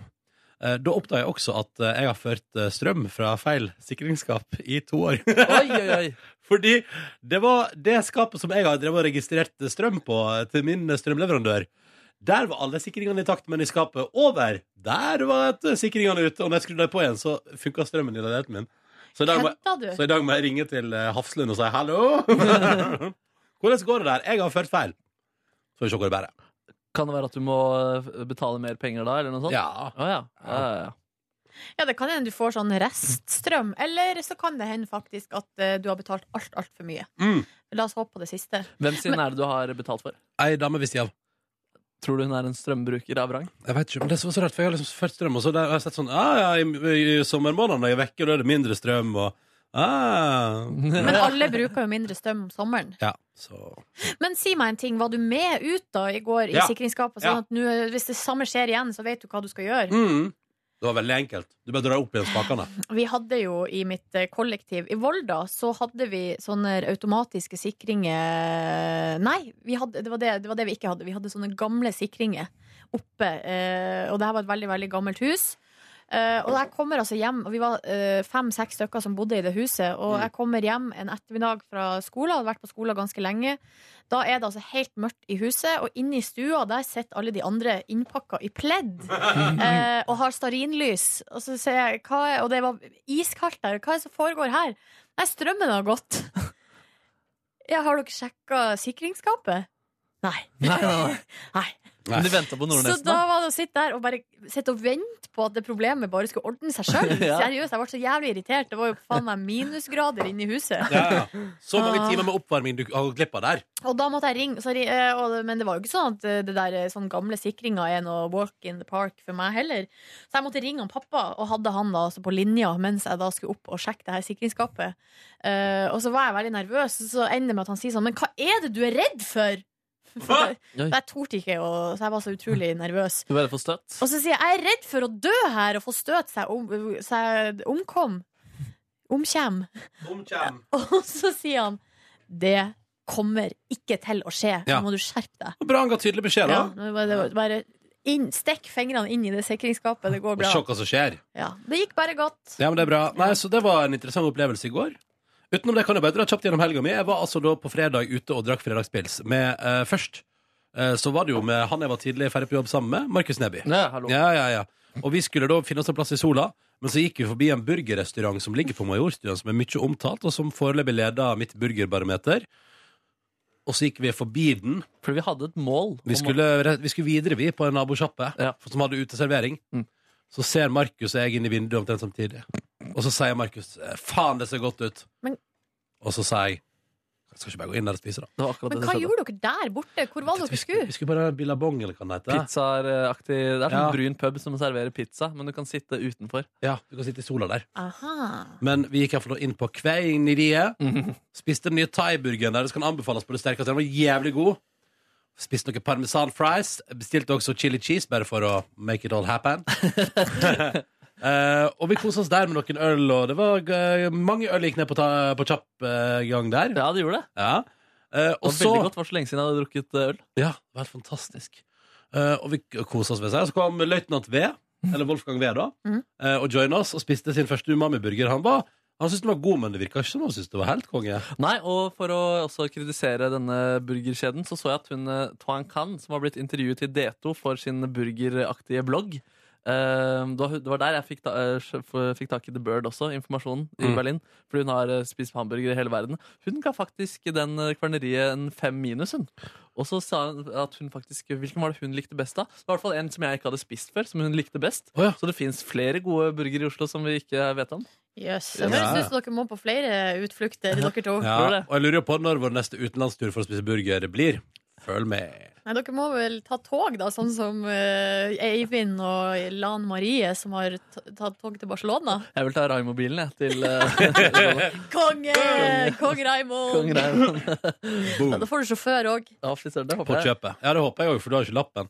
Eh, eh, men eh, utenom det vi, Og så gikk vi videre på en lokal sjappe som mange NRK-ere pleier å gå til for fredagspils, for å møte flere fra NRK P3-systemet. Og det var det. Eh, der kom de tuslende inn, vet du, og vi var en god gjeng som satt og flira. Yngve Hustad Reite kom! Nei, kødder du? Yngve Hustad Reite Han kom, vet du, og var i toppform. Og så ble han og veldig mange andre videre med når vi tok en maxitaxi til en bedre asiatisk fusion-inspirert restaurant, som sjefen vår har som sin favorittrestaurant, som ligger i Heimdalsgata i Oslo, som heter Sydøst. Der var det flere som spiste. Spiste du, Neby? Ja, det Ja, gjorde du. Jeg, det. Jeg spurte skal du eh, vi spise mat, så sa du jeg bestiller noe du bestiller. Og så bestilte jeg meg noe nydelig Scampi-relatert. Du sa 'kan jeg få noe med Scampi?' uten å se på menyen engang. Ja, ja, ja, og det Ja. fikk jeg. Nydelig nudelrett med både Scampi og eh, grønnsaker. Ja. Uh, men jeg var ikke sulten igjen, jeg. Så jeg drakk øl i stedet for. Uh, og der ble vi sittende på uteservering til altfor seint og fryse. Ja, det ble jo pinadø minusgrader, nesten. Ja, ja, ja. og da vi skulle gå, så knuste du noe glass? Eller det skjedde i hvert Nei, fall jeg noe knuste ingen. Jeg bare velta et par glass. Ingenting ble knust. Og det var gøy. Og da ropte, ropte jeg Å, NRK, Ronny, hva er det du gjør? og det hadde jeg glemt noe, men det var jævlig vondt, det. Ja, det var vondt fordi du måtte stå igjen alene og rydde Ja, litt der. ja, altså. stemmer. Det. Å, det kom jeg på nå. Det var ikke noe gøy. Nei, jo, det var så gikk vi på en nærliggende pub og fortsatte festen der. Eh, og jeg var vel hjemme, gikk på Munchies da og spiste burger. Hva du gjorde det? Ja, ja. Alene, eller? Gikk alene, så kom min kompis Ingve innom en tur. Du Og var jo med Yngve på puben før det. Skiltes deres Ja, så gikk jeg hjem. Eh, og så gikk jeg på Munchies og bestilte mat. Og så, så har han vært på vei hjem og så at jeg satt i vinduet og venta. Ah, ja. Og da kom han innom der og sa hallo. Ja, fordi du bestilte Munchiesen hjem, Ja, ja, ja. Yes. Eh, og så Er du glad i eh, hamburger, forresten? mm, Er du glad i hamburger, Liker hamburger som fenomen, altså. Ja. Uh, og da, vet du, gikk jeg og min gode venn Ingve spaserte bortover gaten, og jeg var kjempetrøtt og sliten, kjente jeg. Og gud, hvor ferdig den dagen jeg var. Og så skal jeg hjem og spise Munchies-burger og kose meg. Men den sovna jeg fra. Ja. Ja. Nei! Jo da. Så den spiste jeg klokka sju på morgenen. Var ikke det digg, da? Jo, helt konge. Hvis ikke la meg i senga mi. Ja, du la deg etter du spiste den frokosten der, ja. Du la deg etter du spiste den Ja, det skal jeg love deg. Ja, for du- Sov du på sofaen først, da? Ja, det gjorde jeg. Til sju? Ja, Så spiste jeg en burger og stikk og la meg. Og så sto jeg opp akkurat i tide til at min kjæreste kom fra Trøndelag for å feire eh, Vi skulle i bursdagsselskap. Så da chilla vi hjemme hos meg og spiste litt lunsj og kosa oss. Jeg stekte opp noen horn som jeg hadde fått med meg fra Førde. Ja, For mamma insisterte på å sende meg en haug med horn, og det var deilig. Eh, og så reiste vi oss i en 30-årsdag i en sånn kolonihage her i Oslobyen. Eh, I et slags samfunnshus, skråstrek hytte der, da. Mm. Og der var det bålpanne utafor. Og bu- hele bursdagen startet med rebusløp, og jeg kjente omtrent ingen der utenom min kjæreste og noen jeg hadde møtt en gang før. Men det var altså så hyggelig. Så bra! Kosa meg. Ja, og vi, var, og vi spiste deilig bifflapskaus Nei, nei, nei. og feira i bursdag, og det var taler og god stemning. Nei, nei, nei. Ja, ja, ja. På et tidspunkt overtalte vi en fyr til å springe naken gjennom nabolaget. Nei, nei, nei, Ja, jo, nei, nei, faen, nei. han sa- Hvordan overtar man folk Nei, til det igjen? han sa sånn Før drev jeg og sprang naken en del, men det har jeg slutta med nå, for jeg må oppføre meg voksent. Og så sa vi nei, men seriøst, så kan vi gjøre det hvis du vil. Og så sa han ja, men jeg kan ikke det. Så, jo, jo, selvfølgelig kan du det. Kan jeg det? Ja, ja, ja, ja. ja. Og da tok han seg en Og det var bare et stunt som ikke var motivert til noen ting. Jo, annet bare at vi ville at han skulle gjøre det. Og så Ja. gjorde han det. Kan bli anmeldt da for blotting. Ja, det kom en Securitas-bil, men det gikk bra. Gjorde det? ja, men det, kom noe, det var nå bare på patrulje. Security, de har ikke myndighet. Nei, nei, nei, det er sant det. Men så, det var koselig, det. Eh, Og så på søndag var det en helt rolig dag. Uh, så Amazing Race. Faen, så bra det er. Det var mitt liv. Takk for meg. Nydelig liv. Skal jeg suse, suse gjennom fredagen, jeg også? Eller jeg har bare en ekstra detalj fra vi var ute. Ronny og jeg vi, uh, tok håndbak. Uh, det ble også dokumentert. Eh, På SoMe, eller? Ja, på Anders Lørland, produsent i Ramona Siggen sin Snapchat-konto. Eh, begynte med høyrearmen. Eh, en ganske seig kamp der, som ender med at eh, jeg tar pokalen hjem. Eh, men det var altså en ganske seig kamp, og så ville Ronny ha den med venstrehånd, naturligvis, siden han er venstrehendt. Og det gikk mye kjappere. Han vant. Og du skulle bare sett hvor, liksom, hvor nasty Ronny var etter han tok den seg. Jo, du, nasty. Jeg bare tok den ned i bakken, og så, bare, og så biter han seg i underleppa, og så bare klapper han sånn. Ja. Og så bare ja.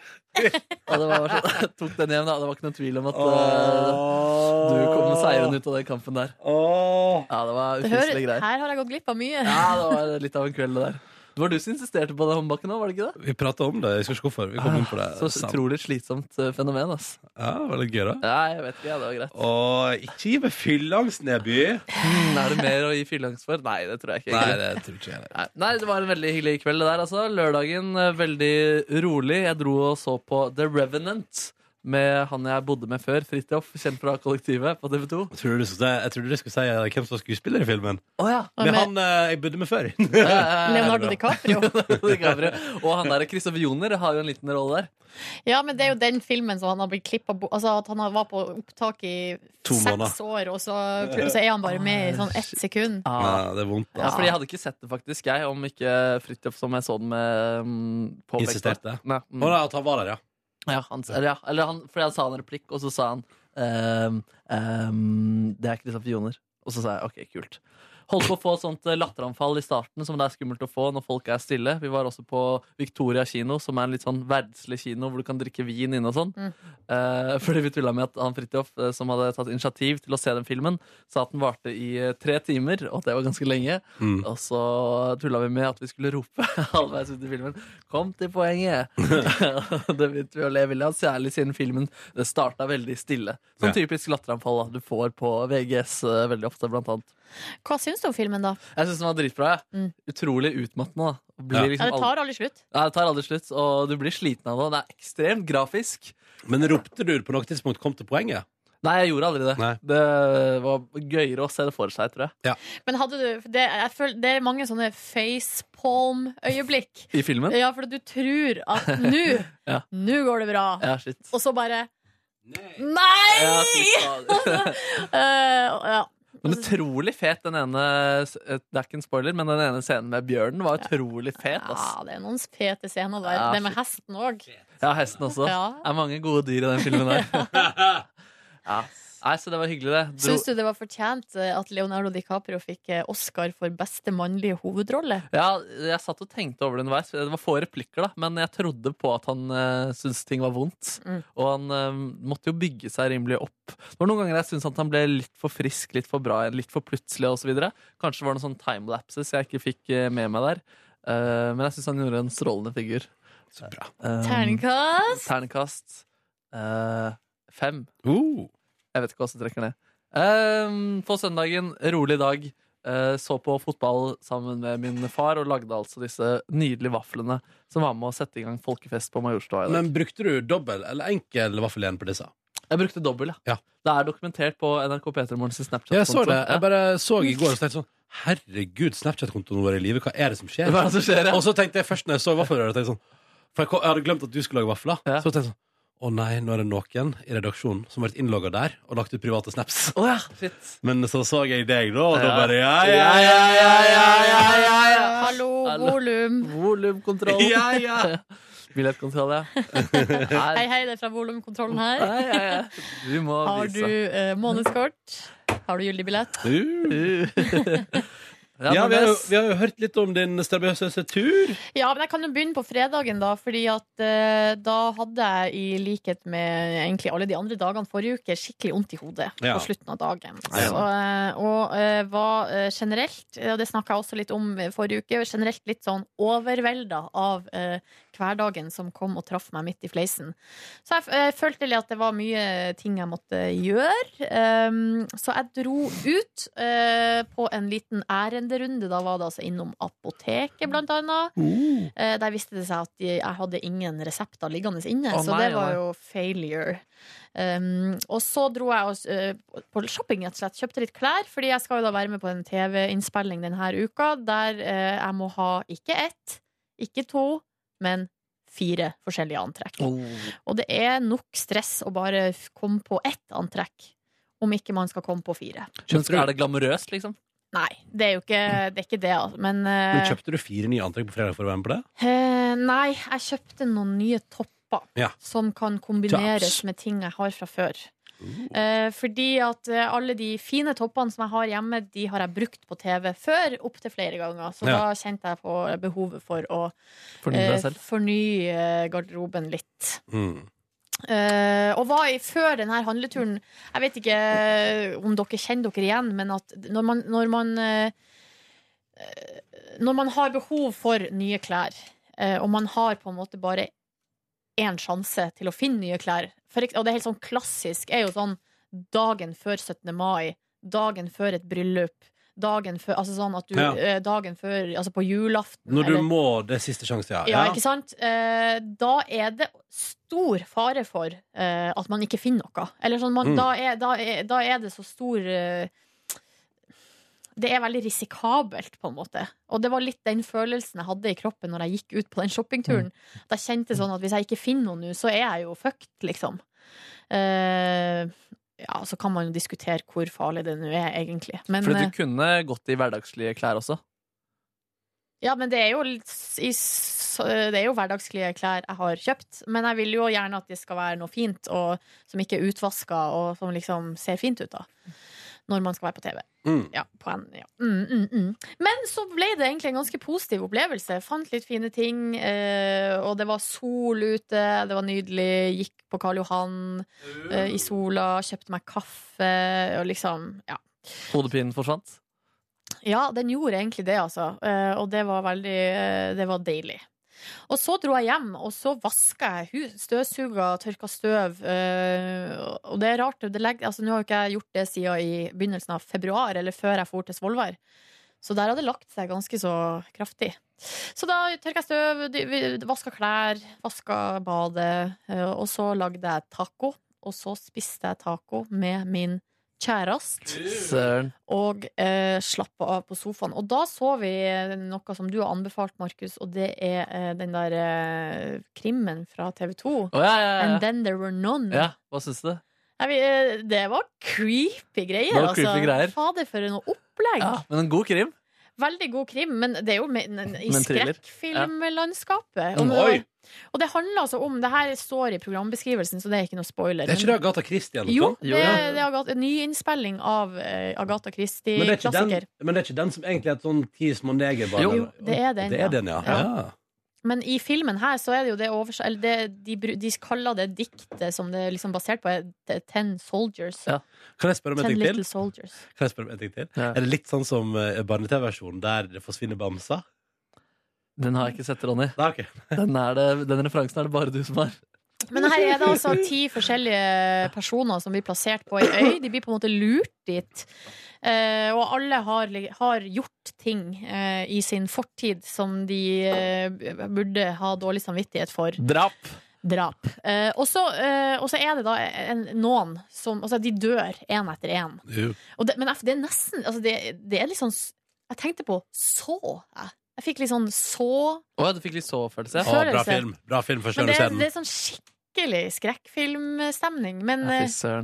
Kanskje jeg skal se den nå der. Ja, gjør det på starten, da, som setter ganske liksom, konflikten i gang. Sitter disse ti menneskene og spiser middags eh, på et sånt ganske sånn forlatt hus, Ja. hvor det bare jobber to tjenestefolk. eh, Veldig, men veldig sånn herdslig, da, og så kom, verdslig. Og så kommer det plutselig musikk på høyttaleranlegget og en beskjed da, med en stemme som roper opp hva hver og en av de har gjort for noe grusomt i fortiden. Ja. Oi. Og alle bare sånn eh, Hva Det der er tull, det der er ikke sant. Hvem er det her? Og så går de ned, og så finner de da mikrofonrommet eh, hvor den beskjeden kommer fra. Det er ganske spennende, så det må dere finne ut sjøl. Uh. Anbefal, anbefales TV 2. Gi dem litt eh, sponsorinntekter. Det går så dårlig med Ja, det dem. går fryktelig dårlig med TV 2. Også på lørdagen så var det altså stå opp og lage frokost og vurdere fortløpende skal vi gå på ski eller skal vi ikke. Eh, den turen til Kikkut er i utgangspunktet ganske lang. Det er en, en og en halv mil tur-retur. Um, og vi bestemte oss Altså, vi var så keen liksom, på den der hytte Altså det som på en måte var målet i enden. At vi bestemte oss for å dra. Eh, og som jeg snakka om på sending i dag eh, så var det helt, det var helt sånn komisk hvor sinnssykt optimistisk vi var i begynnelsen. Det var bare sånn Det her går jo helt strålende, liksom! Og det, det ligger liksom fem centimeter med slush i løypa, men drit i det! Det går bra! Det går bra! Men så, eh, så når vi da nærmer oss, når vi har kanskje ca. fire kilometer igjen, så går vi feil. Eh. Vi, går, altså, vi kommer til et vann eh, der det er staker som står over vannet, men vi leste på, ne- eh, på, eh, på Skiforeninga sine sider før vi gikk at vi må ikke gå ut på vannene, det er farlig. Ja. Så da måtte vi snu og gå tilbake og Ah, gå nei, ja. rundt. Og, liksom, altså det bare, og vi hadde da den middagen som var bestilt, den begynte klokka seks. Eh, og vi, vi gikk jo da klokka to fra Frognersetra, og da, da hadde vi regna skikkelig god tid. Og da hadde vi prata om at ja, vi kunne ta badstue før middag og skulle dusje og liksom sånn. Hva slags nydelig hytte dette her? Det er Kikkutstua! Ja. Det er helt konge. Og du kan gå dit på føttene eh, fra Sørkedalen. Da er det ei mil. Ja. Eh, Du kan gå fra føttene fra Sognsvann og alle plasser òg, men da er det litt lenger. Eh, og, det, og det ender opp med at når det er to kilometer igjen, så må kjæresten min ringe dem og si sånn Vi kommer! Vi er på vei! Mm. Eh, vi er der straks! Og da var klokka ti på seks. Ja. Så det bare Nei, det var Og da var, og da eh, var det mye bannskap fra min munn. Ja. og det var is, og vi måtte ta av skiene og gå på føttene. Og det var, altså, det var helt krise. Men det var skikkelig, skikkelig godt å komme fram. Kom, eh, holdt din kjæreste humøret i, i orden? Ja, for det som er, er at eh, hun er i ganske mye bedre form enn meg. Eh, og er heller ikke like avhengig av eh, mat som Mm. Mm. Så, eh, så hun, hadde rett og slett, hun hadde rett og slett mye mer å gå på, Ja, ja. sånn i krefter. Mm. Mens jeg, hadde, jeg var helt tom, liksom. Men det, da var jo den blomkålsuppa og et glass hvitvin jævlig godt da når vi ja, da kom du i kom i land. Jo, det ble party times! Party times! Ja, og så i går sto vi opp da ganske tidlig, spiste god frokost.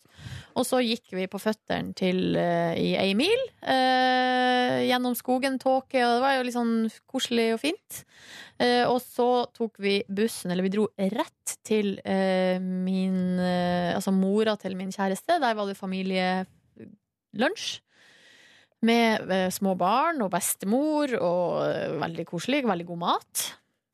Og så dro jeg hjem, dusja, lagde baka rundstykker.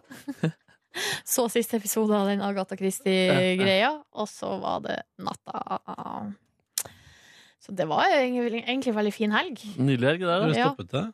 Hodepinen forsvant, og du bare suste med krim og ski og blomkål. Det var liksom, på, det var liksom som det var påske en gang til. Ja, fy søren. Kan jeg fortelle om min perverse frokost jeg spiste i går? For jeg lagde altså en, Jeg stekte krem fresh eh, med bacon og jalapeñoskinke og, eh, og spinat. Det var én rett som jeg spiste der, og litt løk. Og var der også Og så et kyllinglår, og så et kokt egg. Nei! Jo, jo, jo. Til frokost. Til frokost var Veldig bra frokost. Ja, veldig god frokost. Litt, Ja. Jeg følte meg litt spesiell etterpå, da. Wow. Ja, ja, ja, ja. Men hva sa du? Du stekte Jeg stekte um, uh, først bacon, Ja. og så stekte jeg litt sånn um, eh, rødløk. Nei, vårløk. vårløk. Mm. Og så helte jeg oppi krem fresh Altså i ei panne, liksom? i en panne. Ja. Og så helte jeg oppi masse spinat. Og så litt uh, jalapeñoskinke. Oi, oi, oi. Var det her hjemme hos deg sjøl, eller? ja, ja, ja. Og bare til deg sjøl? Bare til meg sjøl, ja. Å, for en luksusgutt du er. Luksusgutten sjøl, altså. Ja, det er vakkert. Ja, det er Det er vakkert. vakkert, veldig vakkert. Det er vakkert. Jeg tror vi skal gi oss der. for Ja. Vi har litt andre ting vi skal gjennom. Men takk for at du hørte på Petter Morgens podkast Bonusspor. Vi er tilbake inn i morgen, vi. Ta vare på sjela di så lenge. Nice. Ha det. Hamdom. Hør flere podkaster på nrk.no podkast. P3.